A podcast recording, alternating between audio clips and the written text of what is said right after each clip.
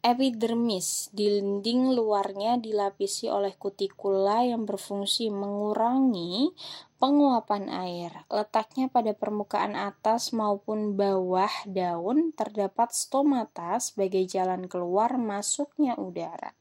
Selain itu terdapat sel penjaga sebagai pengatur dalam membuka dan menutup stomata. Parenkim atau mesofil berfungsi sebagai tempat berlangsungnya fotosintesis. Mesofil pada daun dikotil terdiferensiasi menjadi dua macam parenkim yaitu sebagai berikut. Parenkim palisade terdiri dari sel-sel yang terbentuk silinder, tersusun rapat, dan mengandung banyak kloroplas.